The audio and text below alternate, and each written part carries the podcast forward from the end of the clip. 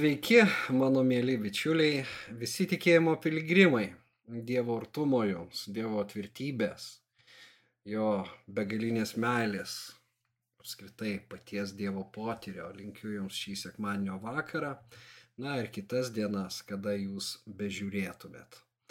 Smagu, kad esate drauge, smagu, jog keliaujame drauge ir drauge tikėdami Kristų mes tikrai įveiksime mm, tą kelią, koks nelengvas jis bebūtų, kokie iššūkiai be pasitaikytų.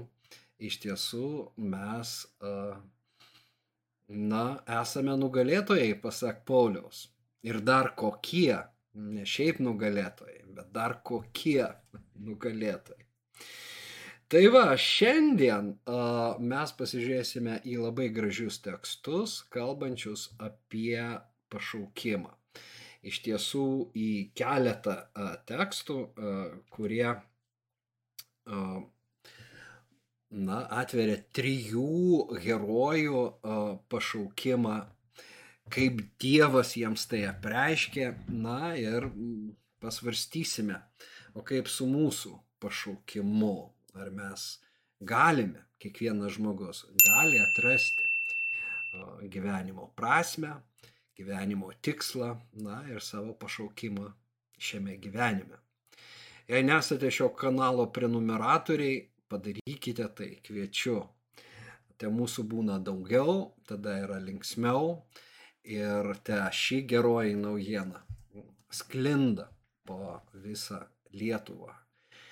Na, nes aš lietuviškai vedu šitas laidas, nors galėčiau vesti jas ir anglų kalbą, bet kol kas, na, jaučiu, kad mano pašaukimas visų pirma yra skelbti Evangeliją ir mokyti Dievo žodžio savo tautoje, na, savo tautos brolius ir sesės.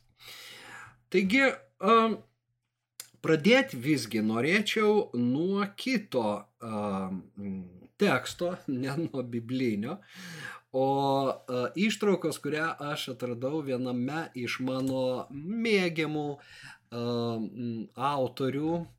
Uh, Osginesas yra toks uh, rašytojas, intelektualas, Ir man su juo yra tekę susitikti Budapešte konferencijoje, kurioje jis buvo vienas iš pranešėjų. Na, tuo metu aš rašiau savo disertaciją ir taip pat teko man toje konferencijoje dalintis tą temą, na, savo disertacijos tema, kuri yra pastoracinės teologijos kryptis. Na, bet Osginesas iš tiesų šiaip yra labai įdomus žmogus, bet apie jį, na, vieną įdomų faktą tai paminėsiu, kad jisai yra Gineso airių žinomo aludario. Gineso alų galbūt jums yra tekę ragauti, palikonis dabar jau neatsimenu, ar, ar, ar pronukis, ar anūkas, galbūt pronukis, bet jis iš tiesų, na, labai iškilmingos šeimos tokios ir tikintis, giliai tikintis žmogus. Tai va, savo knygoje The Call pašaukimas, jisai rašo, aprašo vieną savo patirtį, mm, na, nes jis pats vesdavo seminarus Oksfordo universitete ir patirtį, kai vienoje Oksfordo universiteto konferencijų dalyvavo žinomas spikeris, verslininkas, na, matyt norėdamas įkvėpti studentus, na, pasakojo savo gyvenimo istoriją ir štai ką Osginisas rašo, jį cituodamas, beje, neįvardindamas jo. Aš uždirbu kur kas daugiau nei svajojau. Daugiau nei išleisiu per savo gyvenimą, daugiau nei visos mano šeimos reikmės. Jei atvirai, tai vienas iš mano motyvų uždirbti tiek pinigų buvo tas, kad galėčiau samdyti kitus darbams, kuriuo aš pats nemėgstu daryti. Bet yra vienas dalykas, kurio nei vienas iš mano nusamdytų darbuotojų negalėjo atlikti. Tai surasti mano gyvenimo prasmės ir tikslo. Aš viską atiduočiau, kad tai galėčiau atrasti. Na, gražus, graudus ir labai tiksliai uh, esmę skleidžiantis pavyzdys. Uh, turtingas žmogus atiduotų viską, kad tik galėtų atrasti gyvenimo tikslą ir prasme. Uh, jis jos dar nėra suradęs, suvokia tik tiek, kad tai nėra a, tas darbas, samdyti kitus, atlikti jo nemėgstamus darbus. Kad m, gyvenimo tikslas, na, pašaukimas turėtų būti kur kas didesnis. Ir jis dar tebe ieško. Na, kaip su mumis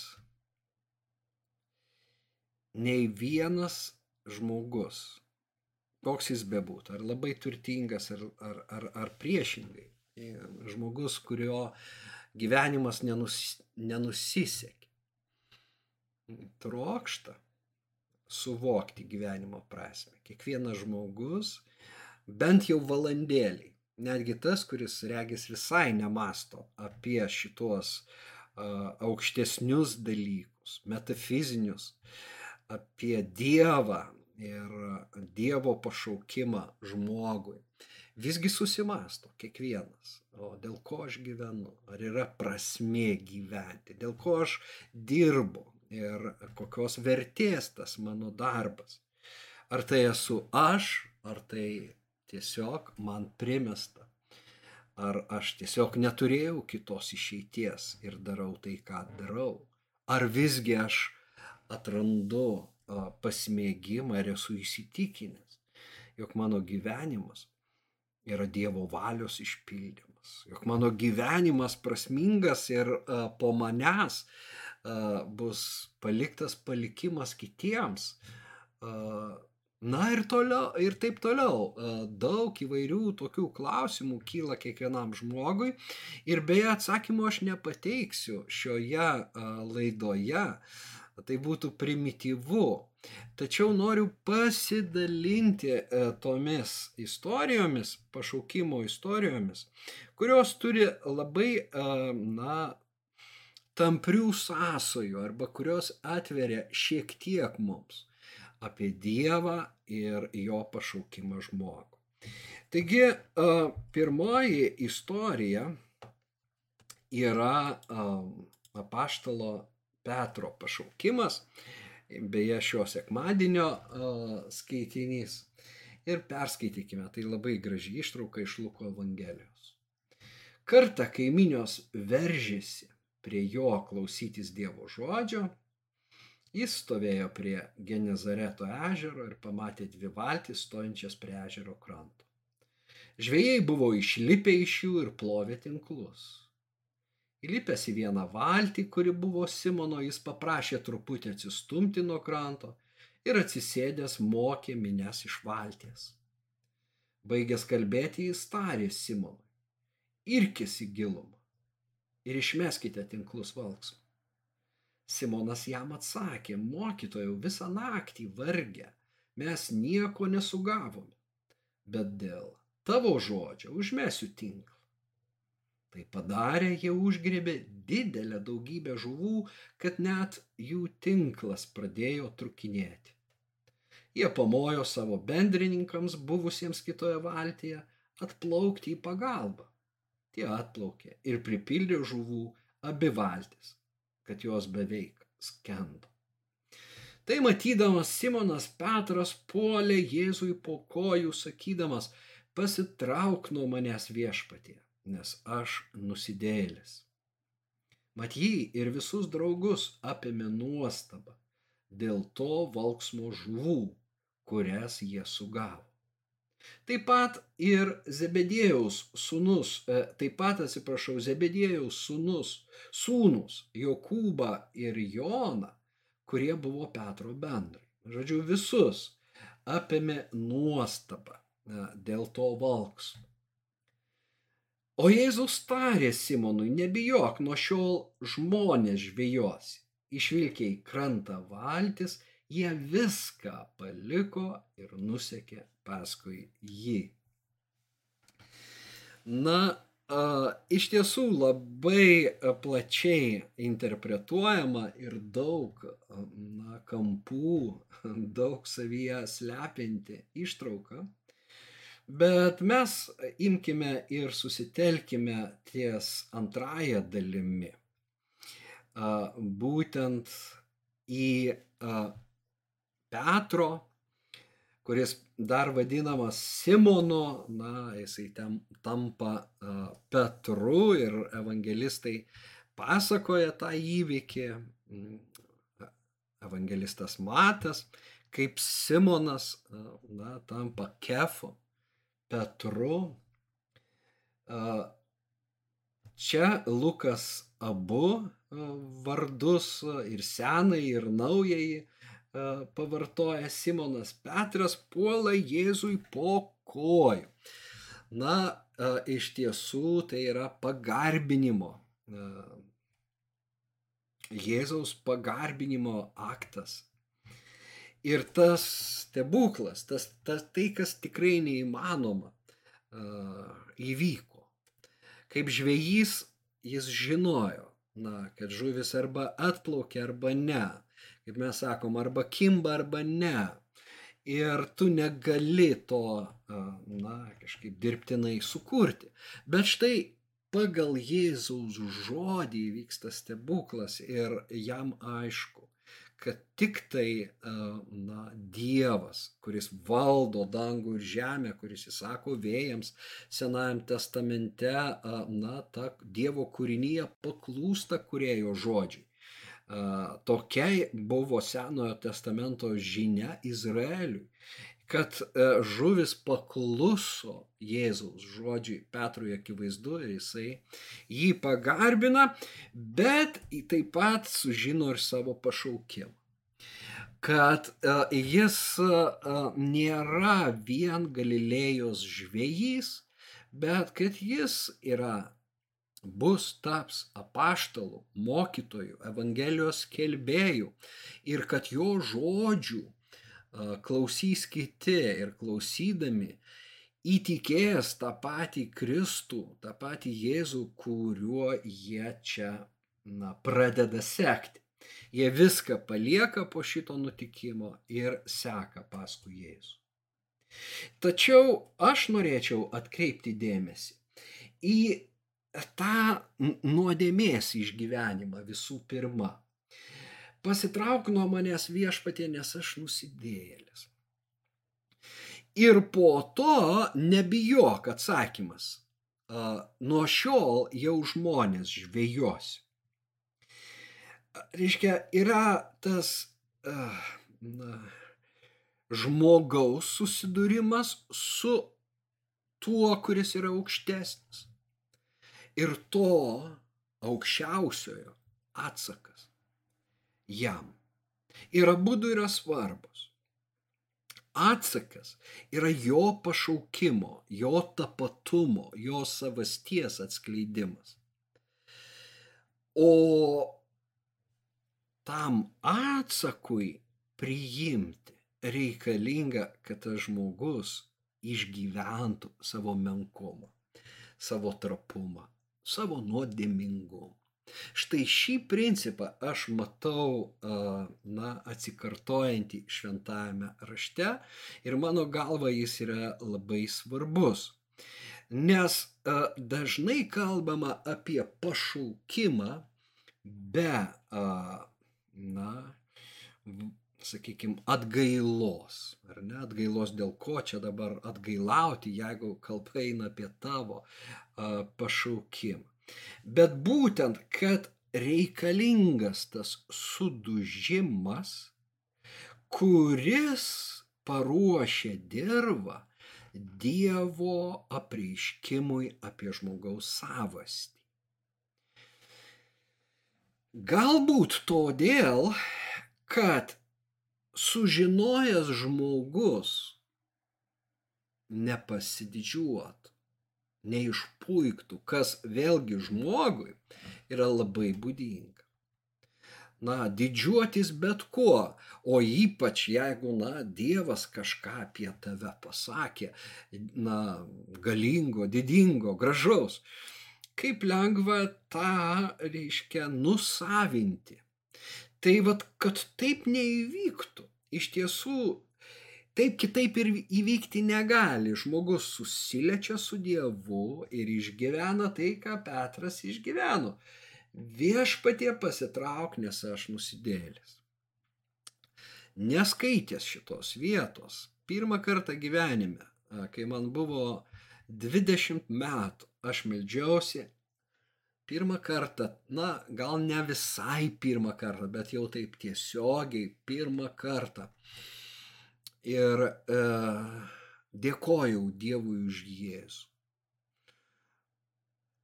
Ir tada Dievo ugnis, na, trenkė į mane, Dievo ugnis, kaip šviesos toksai žiūpsnis, pliūpsnis pro erdvę prasivėrusią, apšvietė mane, aš kritau ant, kritau, na, ne, ne viešpačiui po kojų tarsi, nes nieko jo ten tarsi aš neregėjau, bet kritau, aš klūpėjau, pradžioj stovėjau, pradėjau melstis, tada supratau, kad reikia atsiklaupti, man buvo sunku. Kai aš atsiklaupęs pradėjau kalbėti su Dievu, įvyko va, tas stebuklas. Erdvė prasivėrė ir Dievo šviesa, Dievo ugnis, Dievo karštis perėjo per mane ir aš pradėjau sakyti, Dieve pasitrauk, Dieve pasitrauk nuo manęs, nes aš šito nepakelsiu. Tik vėliau aš perskaičiau šituos žodžius, na, kuriuos mes drauge šiandien skaitome, pasitrauk nuo manęs viešpatie, nes aš nusidėlis. Toje maldoje, to na, savo nuodėmingumo aš neišgyvenau. Aš išgyvenau Dievo didybę ir galę, kuri mane gali tiesiog sunaikinti. Aš jos ne tai, kad nevertas, per mažas, kad ją atlaikyčiau. Savo nuodėmingumą aš išgyvenau skaitydamas pirmą Petro, la, pirmą Petro laišką, kai dirbau dramos teatre, tuo metu, na, pagalbinių darbininkų, iš tiesų gaisrininkų buvo toj darbo knygelė įrašytos, bet tai nebuvo gaisrininkas, tai aš atlikdavau na, visokius darbus, tame tarpe naktį reikėdavo saugoti dramos teatro pastatą, O vakarais, kai vykdavo spektakliai, e, na, išduoti raktus e, aktoriams e, ir į grimo kambarius, na, apžiūrėti, žodžiu, patalpas, vat visokių tokių, na ir gaisro atveju, aišku, atitinkamai elgtis. Bet aš būtent tuo metu ten dirbdamas jau labai intensyviai ieškojau Dievo ir uh, turėjau uh, na, pirmą Petro laišką, Petro laiškus išleistus uh, iš tiesų uh, na, smetoniniai Lietuvoje dar. Ir skaitydamas pirmą skyrių iki aštuntos eilutės, kai perskaičiau, ir jūs jo neregėdami jį mylite, nors jo mm, nematote, džiaugiatės, neapsakomų džiaugsmu ir ta eilutė staiga atvėrė man mano paties nuodėmingumą. Ir aš pradėjau verkti, kūkčioti, nes supratau ką, kad aš myliu Kristų. Jūs mylite jį, nors nesate jo regėję. Ir jį tikėdami, nors ir neregėdami, džiaugiatės neišsakomų džiaugsmų. Ir prieš tą džiaugsmą eina rauda Aš pradėjau raudoti ir taip, na, nebegalėjau susilaikyti ir buvo labai įdomu, kad, na, net keletas aktorių sureagavo, gal, gal kažkas įvyko, gal reikalinga kažkokia pagalba. Na, va, sėdi tas jaunuolis ir, ir verkia. Ko jis verkia dabar?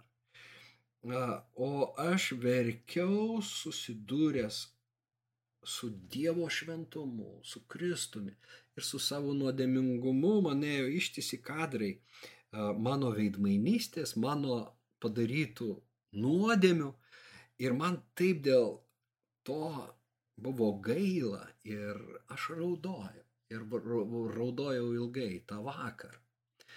Po to atėjo sielos ramybė ir tas džiaugsmas. Bet, na, todėl aš galiu, na, skaitydamas Evangeliją atrasti save. Va taip aš pradėjau pažinti šventą raštą, kad šventas raštas yra ne tik apie juos kažkada gyvenusius, bet ir apie mus šiandien gyvenančius. Ir jis atskleidžia mums, kas mes esame ir kaip Dievas na, elgesi su mumis, koks Dievo santykis į mus ir apskritai koks Kristaus buvo tikslas taip gyventi, taip mirti. Ir, na, tai atveria ištisą naują dėmenį arba gelmę gyvenimo, kurios anksčiau nebuvo paprasčiausiai. Gerai, eikime dabar prie kito herojaus, Senojo testamento herojaus Mozės ir jo pašaukimo. Mozė ganė savo uošvio midjaniečių kunigo Jetro avis. Kartą jis buvo nusivaręs avis už dikumos prie Dievo kalno Horebo. Jam pasirodė viešpaties angelas ugnies liepsnoje, kylančioje iš krūmo vidurio. Jis matė krūmą degantį, tačiau nesudegantį. Mozė pasakė, eisiu ir pažiūrėsiu į šį didingą reginį kodėl nesudega tas krūmas. Viešpats pamatė jį artėjant ir pašaukė iš krūmo. Moze, moze, tas atsiliepė, aš čia. Jis sakė, nesiartink prie šios vietos, nusiauk nuo kojų apavą, nes vieta, ant kurios stovi, yra šventa žemė. Aš esu tavo tėvo dievas, Abromo, Izoko ir Jokūbo dievas. Mozė užsidengė veidą, nes bijojo pažvelgti į Dievą. Viešpats tarė, aš pamačiau savo tautos vargą Egipte ir išgirdau jos šauksmą dėl jų prižiūrėtojų. Aš žinau jos sielvartą. Taigi dabar eik, aš siunčiu tave pas faraoną, kad išvestum iš Egipto mano tautą, Izraelio vaikus. Mozė atsakė Dievui, Kas aš, kad eičiau pas faraoną ir išveščiau iš Egipto izraelitus? Dievas atsakė, aš būsiu su tavimi. Štai ženklas, kad aš tave siunčiu. Kai išvesi tautą iš Egipto, jūs tarnausite Dievui ant šito kalno. Na, čia aš vėl matau a, ta, tuos pačius elementus Be abejo, tai yra, na, pašaukimas, nes pasigirsta Moze, Moze, Dievas pašaukia Moze vardu. Jonas Evangelijoje rašo, kad išsivedęs jis savasias šaukia vardu avis. Jėzus kaip ganytojas šaukia savasias vardu. Na ir Senajame testamente mes turim tikrai ne vien Mozės istoriją, pažiūrėsim dar į vieną, kad na, šaukiamas žmogus yra jo vardu. Ir tada kalbam apie Dievo šventumą. Šioje vietoje, na, pats Dievas sako, Moze, nusiauk apavą, nes tai šventa žemė. Žemė, ant kurios tu stovi, yra mano artumo pašventinta. Be abejo, tas Mozės atsakymas vėliau, kas aš, kad eičiau pas faraoną, štai ir atveria tą patį sudužimą tą patį sudužimą, kurį na, mes jau matėme Petro tame puolime Jėzui po kojų. Na ir toliau, kaip Petrui viešpats sako, nebijok, tu jau žmonės žvėjosi, čia yra ta pati žinia, aš būsiu su tavim. Taigi, ne, ne, nesvarbu tai, kas tu pats tik iš savęs. Svarbu, kas su tavimi. O su tavimi būsiu aš, Abromo, Izoko ir Jokūbo, Dievas. Na ir Mozė turi prisiminti, aha, kaip Dievas buvo maloningas Abromui, kaip jis jį saugojo, kaip jis jam padėjo, kaip Dievas, na, laimino ir aprūpino Izaoką kaip Dievas buvo ištikimas bėgliui Jokūbui. Na, ir galiausiai iš Jokūbo na, kilo tie patriarchai, kurie ir apsigyveno uh, galiausiai Egipte ir štai, na, dabar šitas Dievas sako, aš būsiu su tavim. Nebėra a, priežasties ko bijoti. Bet aš manau, kad va čia mes turime lygiai tą patį. Sudužimą savo nuodėmingumo, savo nevertumo pirmą išgyvenimą ir tada apreiškimą, kas tu esi. Na ir tavo, Mozės, užduotis bus išvesti tautą iš Egipto ir padėti tarnystės Jahvei pamatus, nes čia Dievas šitame pokalbėje Mozei apreiškia savo vardą. Aš esu, kas esu Jahvei. Aš esu. Na, čia galėtume vėl plėsti ir plėsti, bet mes matome, kad uh, yra du tie elementai - žmogaus baimės, savo nevertumo išgyvenimo ir tada jau Dievo sutvirtinimo. Bet beje, abiejais atvejais iniciatoriumi šitų susitikimų yra Dievas. Jisai pašaukė. Na, pašaukimas yra visada iš Dievo. Šaukiantysis yra Dievas. Ir štai kodėl, matyt, mes negalim nuspręsti, kada mes susitiksim su Dievu. Jis nusprendžia, kada mus pašaukti. Bet šaukiamas atsiliepk. Tai svarbiausia.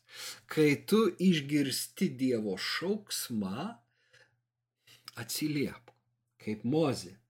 Aš čia aš čia, tai aš, čia aš, tu mane šauki. Na, Samuelis e, po to sakys tuos pačius žodžius, būdamas dar vaikas vėliau. Bet aš norėčiau parodyti jums trečią uh, Dievo žmogų, pranašą Izaiją. Uh, ir jis pats aprašo šitą susitikimą šeštame skyriuje savo knygos, savo pranašystės. Karaliaus Uzijo mirties metais mačiau viešpatį aukštame ir pakeltame soste. Jo rūbas pripildė šventyklą. Serafai stovėjo ties juo. Kiekvienas iš jų turėjo po šešis sparnus. Dviem jie dengė savo veidą, dviem kojas ir dviem skrido. Jie šaukė vienas kitam, sakydami, Šventas, šventas, šventas kareivijų viešpats. Visa žemė pilna jo šlovės. Durys sudrebėjo nuo šauksmo, o namai prisipildė dūmų. Aš tariau, vargas man, aš esu žuvęs. Aš esu žmogus nešvariomis lūpomis ir gyvenu tarp žmonių nešvariomis lūpomis. Aš savo akimis mačiau karalių, kareivijų viešpatį. Vienas serafas atskrido prie manęs. Jis laikė rankoje žeruojančią anglį, kurią buvo pasėmęs replėmis nuo aukuro. Jis palėtė ją mano lūpas ir tarė, štai ji palėtė tavo lūpas. Tavo kaltė panaikinta, nuodėmė apvalyta. Aš girdėjau viešpatės balsą, jis klausė, ką man pasiūsti, kas eis už mus? Aš atsiliepiau, aš čia, siūsk mane. Na, be galo didinga scena. Veiksmas vyksta viešpaties šventykloje, danguje, kur Izaijas yra paimamas dvasia, jis regi šitą e, regėjimą išgyvena tai, ką jis aprašo. Na ir vėl žiūrėkime, pirma, tai yra Dievo šventumo aprašymas. Serafai, dangiškos būtybės, šaukia nuolatos šventas, šventas, šventas kareivijų viešpas visa žemė pilna jo šlovės. Taigi iš aukšto žemė matoma kitaip nei iš apačios. Mes žiūrėdami į žemę regime vien vargą, bet angelai žiūrėdami į žemę regi vien šlovę. Daug dalykų nuo mūsų yra paslėpta, jeigu mums būtų atverta ir kai yra atveriama, kai vat praskleidžiamas tas šydas ir mes pradedame garbinti Dievą, pilnai įsitikinę ir išgyvendami, jog jis viešpatauja, jog jo kūrinyje yra atpirkta, tai yra atnaujinta, jinai kitokia, jinai netokia, kokia mūsų akims atrodo. Ir gyvenimas kitoks, nei mes galvojame. Taigi, pirmas, ar ne, jau pažįstamas, na, tas dėmo, einantis prieš pašaukimą. Tada čia dar detaliau aprašomas tas žmogaus nuodėmingumo išgyvenimas.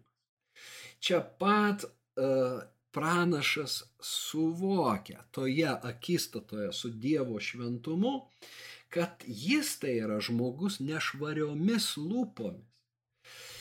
Ir, na, kodėl lūpos? Todėl, kad e, tai yra pranašas, jis kalbės Dievo žodžius, todėl tos lūpos, bet e, pabrėžiamos, bet iš tiesų, kad jis yra nešvarus žmogus, nuodėmingas žmogus.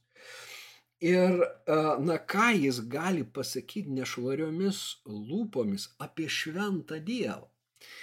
Na, iš tiesų, kai kurie mąstytojai ateidavo prie tokios išvados, kad geriausia ką mes galim pasakyti apie Dievą, tai patylėti.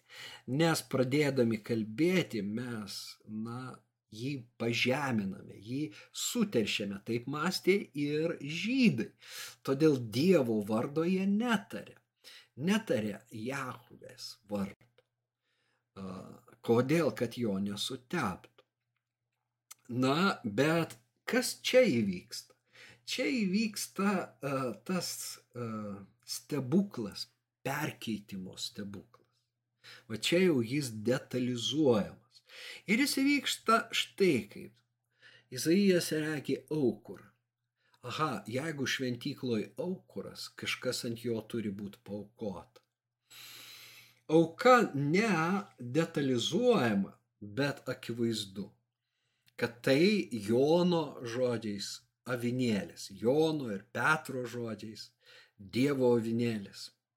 Pauliaus žodžiais paskerstas prieš pasaulio sutvėrimą. Dievo avinėlis paskirstas dėl mūsų nuodėmių. Ir štai Izaijas mato, kaip angelas nuo to aukuro, nuo tos aukos a, paima vieną anglį ir ta anglim paliečia jo lūpas. Be abejo, tai yra vaizdiniai, tai yra metaforinė kalba. Bet ją Senojo testamento na, žmonės gerai supranta. Mums reikalingi išaiškinimai. Ten jie tą gerai supranta. Aha, ta auka mus pašventina, jinai mūsų nuodėmės nuplauna, jinai mūsų nešvarias lūpas padaro šventomis lūpomis. Patys mes nesugebam Dievo žodžio perteikti, bet šventoji dvasiai pašventina, įgalina mus, atverdama Dievo slėpinius. Ir žmogus yra perkeičiamas. Štaiga reiškia. Po to jau skamba Dievo pašaukimas, kas eis už mus, kas kelbs Dievo žodį. Ir Izaijas, kuris buvo prieš kurį laiką toks nepasitei, nepasitikintis, sudužęs ir sakė, vargas man, aš esu žuvęs, vargas man. Staiga sako, eisiu aš, perkeitimas. Mokiniai, kurie dėl žydų baimės užsidarę, na, aukštutinėme kambaryje, pasirodo Jėzus ir sako, ramybė jums, nebijokite. Ir pūsteli šventąją dvasę. Ir štai po sėkminių tie patys apaštalai jau stovi viešoje vietoje šventykloje ir Petras sako sėkminių pamokslą ir nebebijo tų žydų ir kai nukenčia nuo jų, net džiaugiasi. Štai koks perkeitimas įvyksta. Kai Kristaus kraujas apvalo mūsų nuodėmės.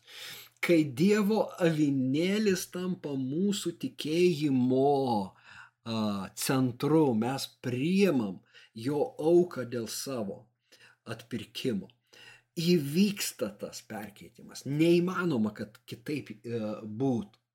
Ir tada mes išgirstame pašaukimą, savo, na,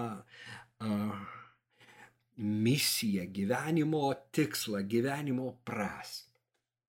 Na, dabar kas nors pasakys, gėdriau, aš išgyvenau atsivertimą, aš atrandu paralelių su tuo, ką tu pasakoji, bet aš nesu įsitikinęs dėl savo pašaukimo, ką man daryti gyvenime ar net bažnyčiai. Ar, na, aš turiu kažkokią tai Dievo misiją, pavedimą. Koks yra mano pašaukimas? Ir aš suprantu, kad tai, nu, net realiai gyvenime netaip paprastai būna kaip vat, šitų žmonių - Petro, Mozės, Izaijo gyvenime, bet manau, kad ir pas juos buvo daug dviejonių. Ir jeigu mes pažvelgtume į visumą jų, gyvenimo, pamatytume, kad ten buvo visko lygiai kaip pas mus yra visko. Ir kad tai, ką mes čia perskaitom, kai yra tas išryškinta, kiti dalykai gal net nepaminėti, o kai, kuri, kai kurie paminėti ir mes žinome, pavyzdžiui, Petras, nežiūrint savo pašaukimo, atsižada Jėzaus tris kartus ir jį prakeikia. Iš tiesų žodis yra, jis prakeikė Jėzų net tris kartus, na, su priesaika, kad jis jo nepažįsta. Ir ne kas tai per dalykas.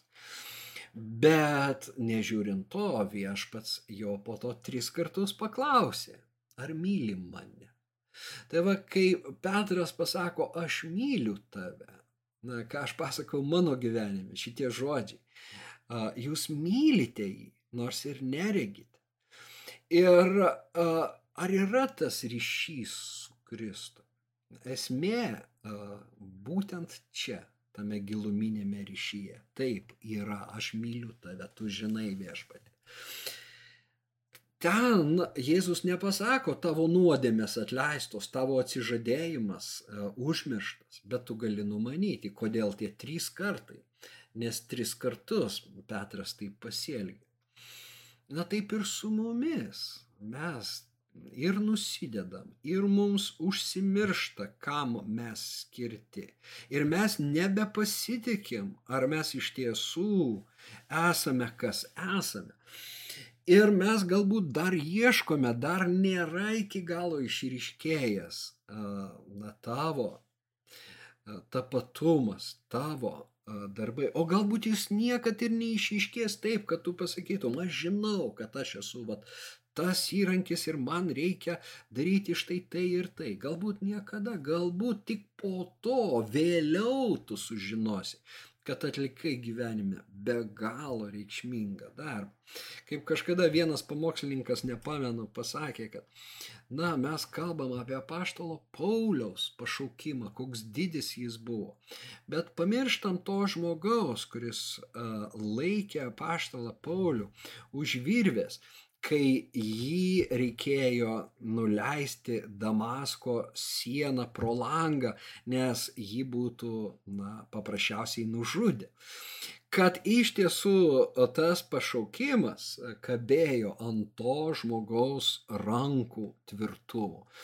Ir galbūt tas žmogus nuveikė dar daug ir kitų dalykų, kurie turėjo prasme, bet vien jau šitas tikrai turėjo didelę prasme. Na, čia su humoru galim kalbėti. Arba našlės skatikas, ar ne, atrodytų, ką ta pati našlė galėjo žinoti, kad jinai aukoja daugiausiai, daugiau už kitus Jeruzalės žmonės.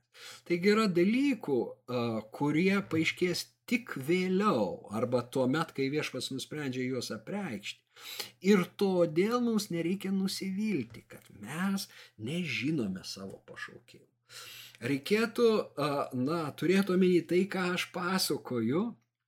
Ir šituos momentus labai, na, jų nepraleisti. Štai kodėl mes kalbame apie Dievo pašaukimą, kaip Dievo potyrį E, Dievo šventumo potyrį, savo nuodėmingumo, kuris mus sudaužo ir tada Dievo atskleidimo, kas mes esam. Na, aš du tuos momentus savo gyvenimo papasakojau.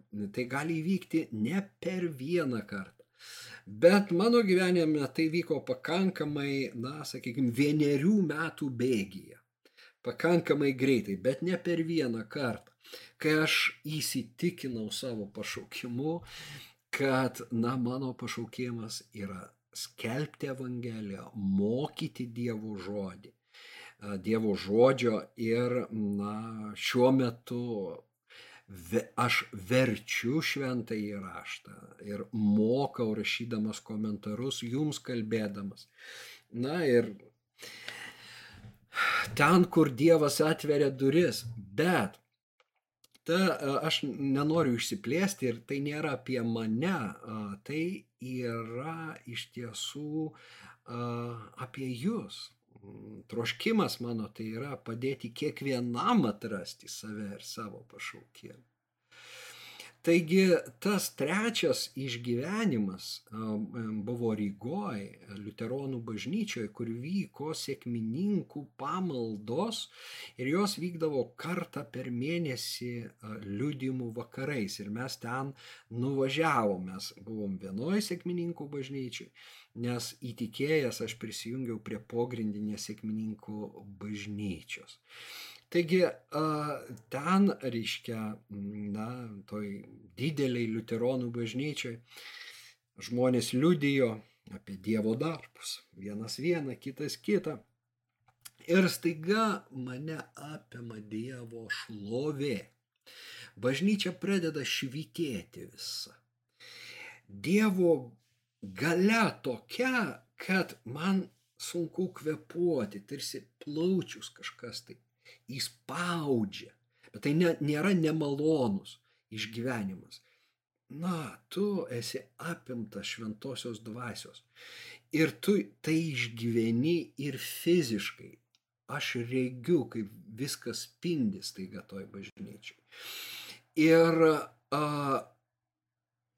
aš jaučiu Dievo jėgą, kuri, na, beveik mane tarsi nori pakelt nuo žemės, gali prisilaikyti net.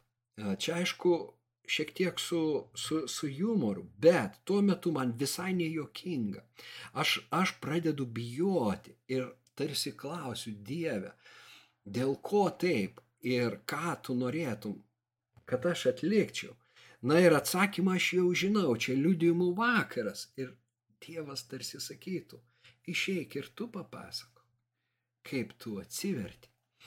Aš sakau, Dieve, čia kitokie žmonės, aš tai buvau hipis, aš tai keliavau po Sovietų sąjungą, lipau į kalnus, o čiagi, e, nu, čia paprasti e, darbo žmonės, aš nieks, ne, ne, niekam nereikia tokio liūdimo. Ir kai aš tai kalbu Dievui, pro mane praeina kokie trys ar keturi ilgaplaukiai. Ir tarsi na, Dievas juoktųsi. Na va, tavo auditorija. Dabar tu jau turi kam kalbėti.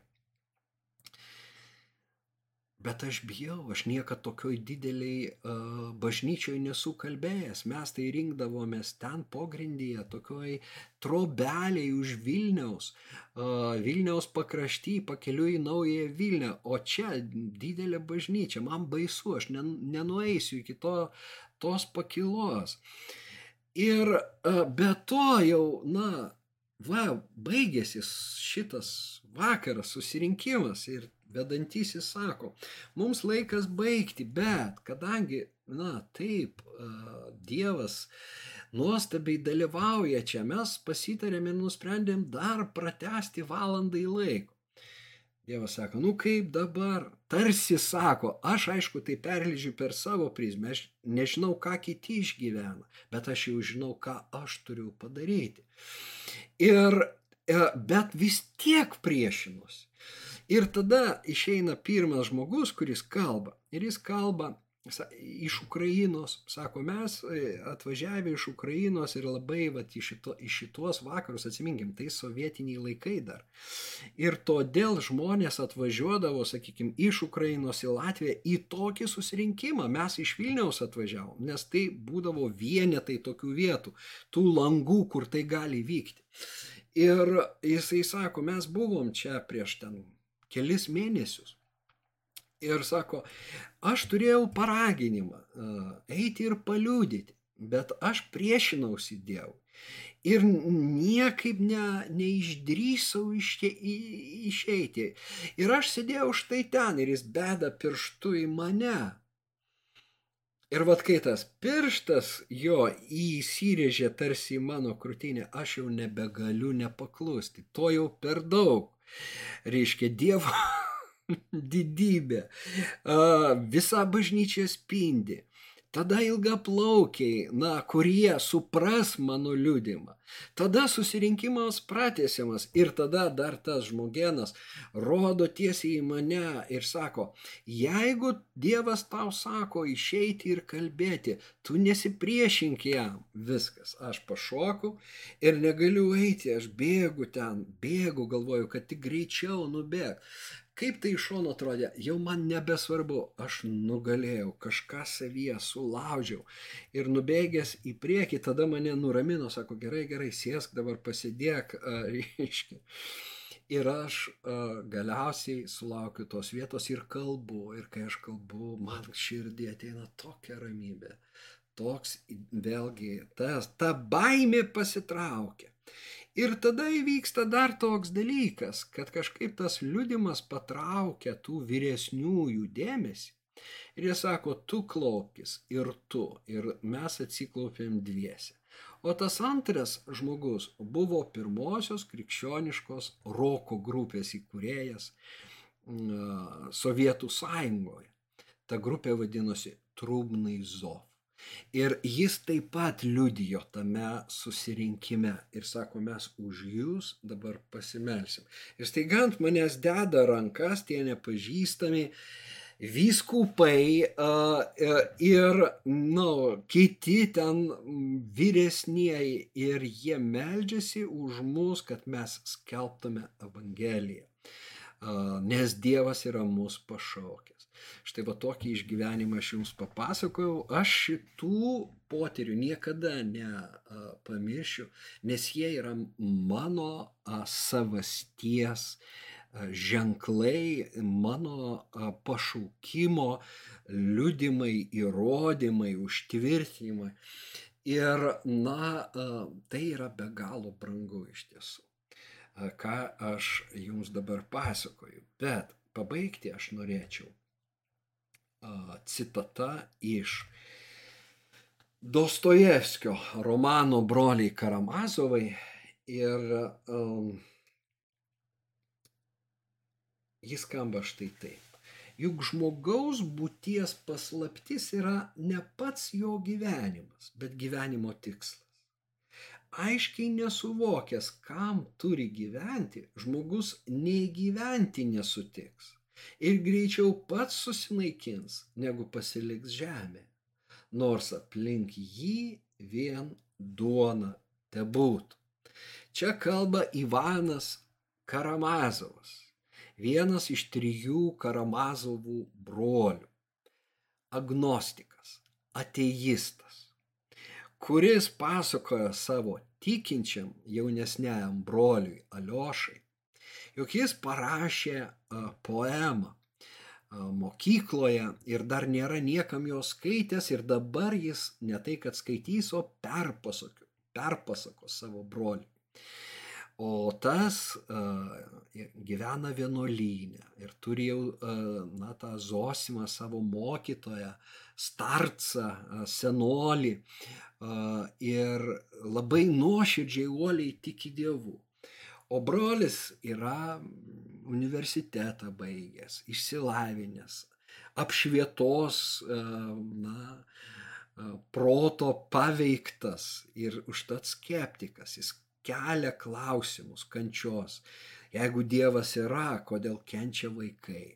Na ir jis būtent šitom savo dviejonėm dalinasi ir tada pasakoja apie tą inkvizitorių ta dalis yra ta didžioj, didysis inkvizitorius, ta poema vadinasi. Ivano Karamazovo. Ir ten jisai kelia įvairių klausimų. Bet būtent šita vat, na, paties Dostojevskio, paties autoriaus mintis na, suskamba, aišku, Dostoj, aš manau, kad kiekvienas iš tų Karamazovų yra dalis Dostojevskio. Nors jie tokie skirtingi, bet tai yra to vieno žmogaus poliai, kaip ir mes. Mes esame gilus šuliniai. Ir mumyse yra daug tų nuo sluoksnių. Ir todėl viena vertus yra tas Dmitrijus, vyriausiasis brolis, na, linkęs į girto klystės, grubus ir, reiškia, na,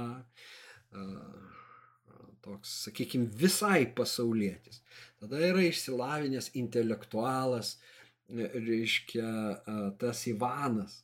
Na ir tada yra tas jaunelis, naivus tikintysis, bet jis yra Dostojevskio idealas, kurio jis siekia pats. Jis pats yra, reiškia, na, azartinis lošėjas kaip Dimitrijus. Iš tiesų, ir jis e, yra apsiskaitęs intelektualas. Skaitant Dostojevskį, aš šiandien paskaičiau šviežiai e, būtent didį inkvizitorių, esi pritrenktas jo e, apsiskaitimo. Ir kaip jis cituoja, kiek daug autorių iš tiesų. Jis yra tas uh, Ivanas, tas, tas Vania, reiškia,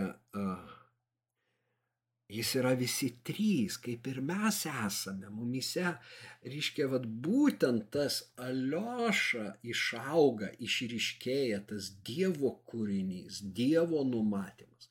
Galbūt vėliausiai, galbūt lėčiausiai jisai, jis gali būti pats jauniausias, bet jis išryškėja. Ir čia vat, yra pabrėžiama tai, nors iš tiesų tas didysis inkvizitorius, ta poema reikalautų iš vis atskiro aptarimo, galbūt net ne vieno, o paskaitų ciklo, nes ten keliami egzistenciniai klausimai yra tokie esminiai ir tai yra taip gilu. Bet šita citata uh, išryškina ką, kad kiekvienas žmogus, na, greičiau susinaikins, negu pasitenkins vien materialinėmis vertybėmis. Nes iš tiesų, čia kalbam apie duoną, vat, nors aplink jį vien duona te būtų. Na ir prisiminkime, nuo ko mes pradėjome. Ta sėkmingą verslininką, kuris savo auditorijai sako, aš atiduočiau viską kad tik atraščiau gyvenimo prasme ir tikslą. Tai vad ir mes siekime suvokti. Tegul Dievas padeda mums suvokti, koks yra tas mūsų gyvenimo tikslas, kokia ta gyvenimo prasme. Ir jeigu mes tai tai žinome branginti ir saugoti, nenusivilti. Nors Petrui buvo pasakyta, nuo šiol jau žmonės žvėjosi. Jono Evangelijos pabaigoje jisai sako, einu žvėjoti. Ir vėl tada, ir kiti sako, ar mes einam su tavimi. Su tavimi. Ir tada vėl viešpats nuo kranto sako, ar turite ką? Nu, nelabai ką turime užmeskit į kitą pusę. Jie užmeta ir vėl tinklai pilni žuvų. Tai viešpats, sako Petras, šoka į vandenį plaukia pas Jėzų. Ir vėl Jėzus jį kreipia į jo na, tikrai gyvenimo pašaukimą. Nors Jonas jau naudoja, vartoja kitą metaforą - ganytojo.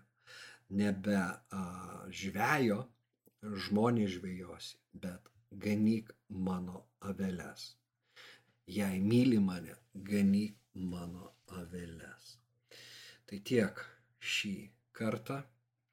Dievo artumo jums, Dievo ramybės ir susitiksime jau tikriausiai po savaitės.